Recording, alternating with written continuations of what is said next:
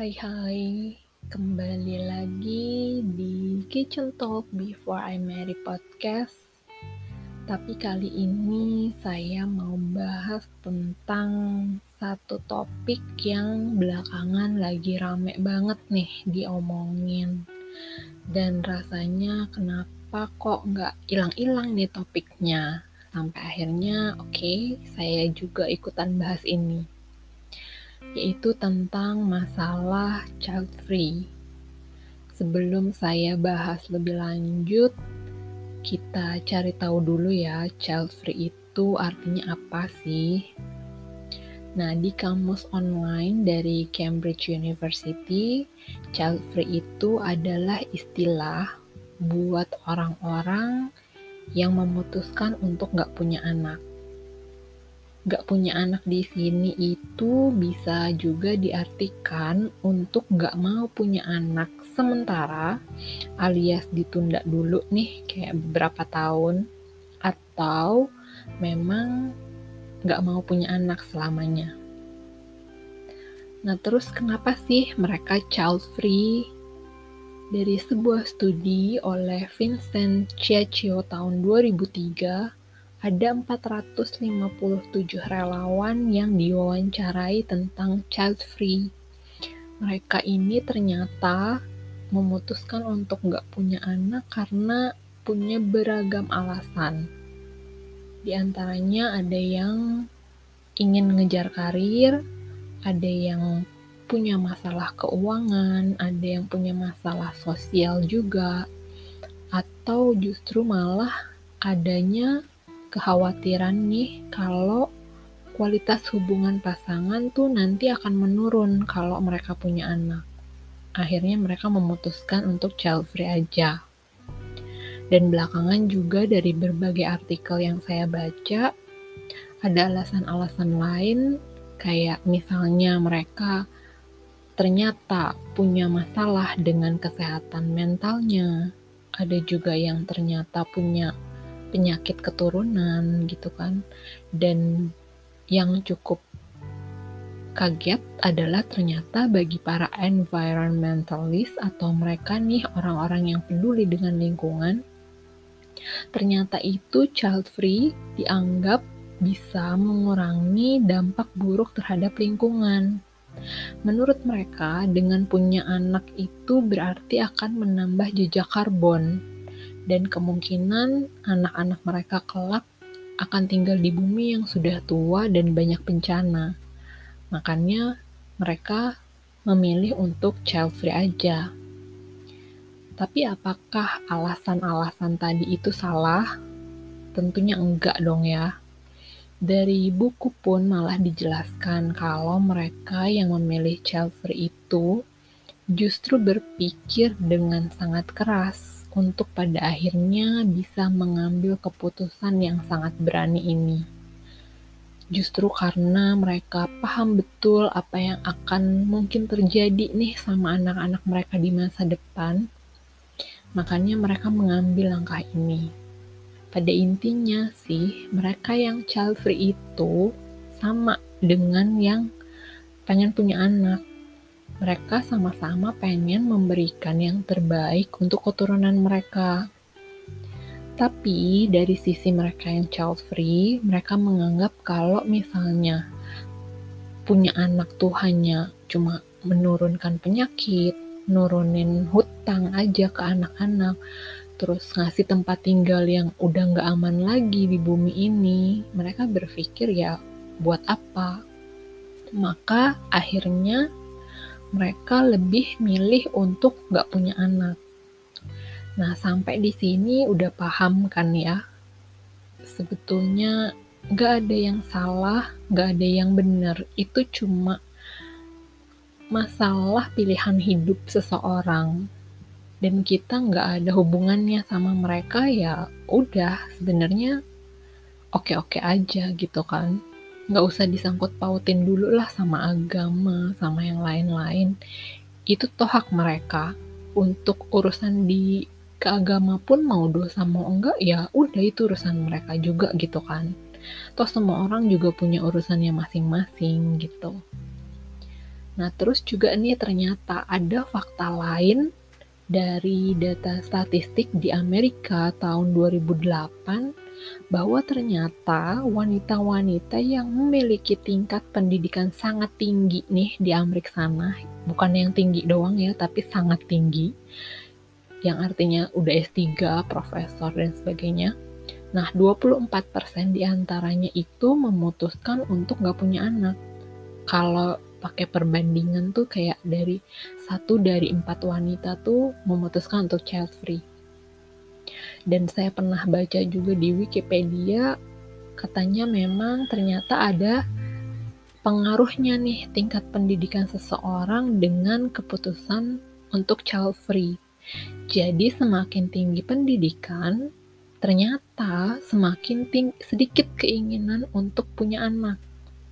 Karena lebih mikirin kan takut gini takut gitu sama anak-anaknya nah jadi nih dari semua penjelasan itu bisa saya simpulkan kalau child free itu sebenarnya memang keputusan secara sadar dan dipikirkan secara matang kecuali mungkin ya ada juga yang nggak mau punya anak cuma karena nggak mau ribet atau child free karena pengen ikut-ikutan aja. Nih yang kayak gini nih sebenarnya yang merusak konsep child free yang sesungguhnya. Terus ternyata juga ada istilah lain nih namanya involuntarily childless. Biasanya istilah ini lebih ditujukan buat mereka yang emang nggak bisa punya anak. Jadi bukan nggak mau, tapi nggak bisa. Nah, rata-rata tuh emang karena punya penyakit tertentu yang memang memfonis mereka untuk nggak bisa punya keturunan gitu. Terus kenapa sih nih si child free ini kesannya baru jadi trending topik gitu?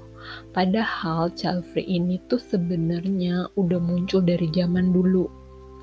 Waktu saya baca buku Love Psychology dari DK Publishing itu, ada satu chapter yang isinya ngejelasin tentang child free ini khusus gitu. Nah, di bagian ini juga dijelaskan bahwa memang ada loh pilihan hidup untuk child free. Jadi sebenarnya juga nggak aneh nih dan bukan hal yang baru. Apalagi jadi sesuatu yang dipermasalahkan. Itu kayaknya udah nggak usah deh gitu kan. Nah, di tahun 1985 juga ada dua orang psikolog bernama Susan Hoffman dan Ronald Levin menyimpulkan bahwa keputusan untuk child free itu sama sekali nggak mempengaruhi kebahagiaan pasangan.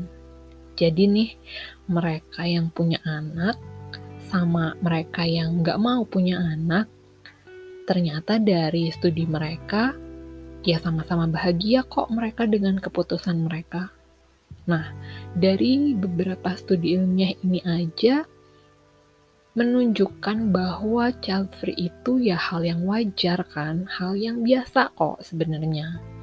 Jadi saya juga agak heran ya kok kenapa bisa topik child free ini jadi heboh dan malah jadi saling menjatuhkan. Padahal kalau dilihat dari kata child free-nya aja nih, rasanya nggak ada yang salah gitu. Karena itu kan pilihan setiap orang. Mau punya anak atau enggak, ya terserah mereka yang menjalaninya gitu kan. Cuma karena child free itu bukan pilihan mayoritas orang, sedangkan punya anak adalah hal yang biasa di masyarakat. Jadi nih yang minoritas ini yang memilih child free ini nih dianggap nggak sejalan gitu. Padahal ini agak aneh ya, karena kan sebenarnya orang itu beda-beda. Balik lagi, kita punya pemikiran beda, kita punya latar belakang beda, tapi kenapa kok kesannya harus sama nih dalam menjalani kehidupan ini gitu? Harus gitu uh, apa stepnya harus sama? Enggak dong gitu. Semua orang jalannya beda-beda gitu kan. Coba deh kita berpikiran untuk terbuka. Mungkin saya kasih contoh aja kali ya. Misalnya nih kita mau pergi tapi harus pilih antara jalan tol sama jalan biasa keputusannya semua ada di diri kita masing-masing kan?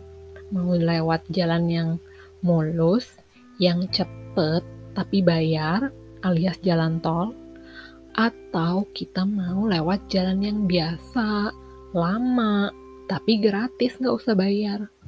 Nah dua-duanya itu kan ada kelebihan dan kekurangannya ya. Sama kayak koin ada dua sisi berbeda dalam segala hal tinggal kita sesuaikan dengan kebutuhan dan keinginan masing-masing aja gitu kan. Misalnya saya dari Bandung ke Jakarta, pengen santai-santai dulu nih. Ya udah saya putuskan lewat jalur puncak biar ada penyegarannya, biar bisa lihat pemandangan dulu, santai-santai, menghirup udara sejuk dulu. Tapi teman saya pengen lewat tol Cipularang karena dia ada kerjaan yang mendesak Nah, kalau lagi kayak gini, apa saya harus paksa dia lewat jalur puncak? Kan enggak. Atau sebaliknya, dia yang paksa saya untuk ikutan lewat jalan tol. Nggak perlu kan, toh kita punya tujuan masing-masing. Kita punya keinginan masing-masing. Jadi ya kita bisa putuskan untuk nggak pergi bareng aja. Ya udah kamu pergi dengan jalan pilihanmu, aku pergi dengan jalan pilihanku. Sebenarnya bisa gitu kan ya dan apakah saya dan teman saya itu jadi saling merugikan kalau kita jalan masing-masing? Kan nggak juga kan gitu kan? Nah jadi sebenarnya permasalahan child free juga gitu gitu.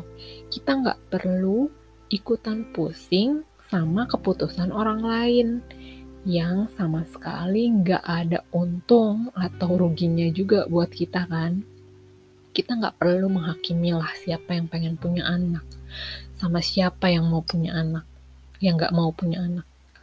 Itu semua balik lagi jadi hak individu yang wajib banget kita hargai.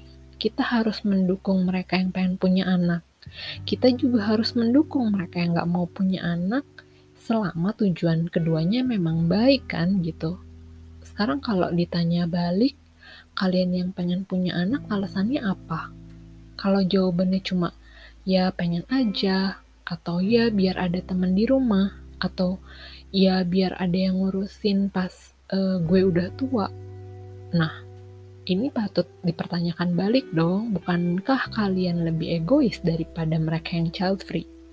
Sementara yang child free lebih mikirin nanti kalau anak gue hidup di dunia yang udah hancur gimana, takut nanti kalau anak gue punya penyakit yang sama kayak gue gimana gitu kan? Mereka tuh lebih mikirin anak mereka loh sebenarnya. Makanya akhirnya memutuskan untuk udah child free aja daripada gue menyusahkan anak gue nah sekarang yang punya pengen punya anak kalau cuman pengen aja pengen ada temen doang itu lebih egois dong ya nggak kan? Nah makanya ya ini bukan saling menyalahkan juga tapi ini sebagai introspeksi diri kita juga bahwa mau punya anak atau enggak, kita harus pikirkan baik-baik. Balik lagi ke topik-topik saya yang sebelumnya ya, itu bisa didengerin lagi ulang mungkin tentang kesiapan punya anaknya, supaya kita nggak cuma mikirin diri sendiri aja gitu kan. Kita juga harus mikirin anak-anak kita nantinya akan seperti apa hidupnya di masa depan. So, kita harus mulai berpikir dulu nih sebelum menjudging orang, sebelum menilai orang. Jadi biarkanlah mereka yang pengen child free ya tetap child free. Biarkan juga yang pengen punya anak ya punya anak. Ya kan? Sesimpel itu kok. Kita cuma harus lebih terbuka dan lebih saling menghargai. Itu aja. Have a nice day everyone.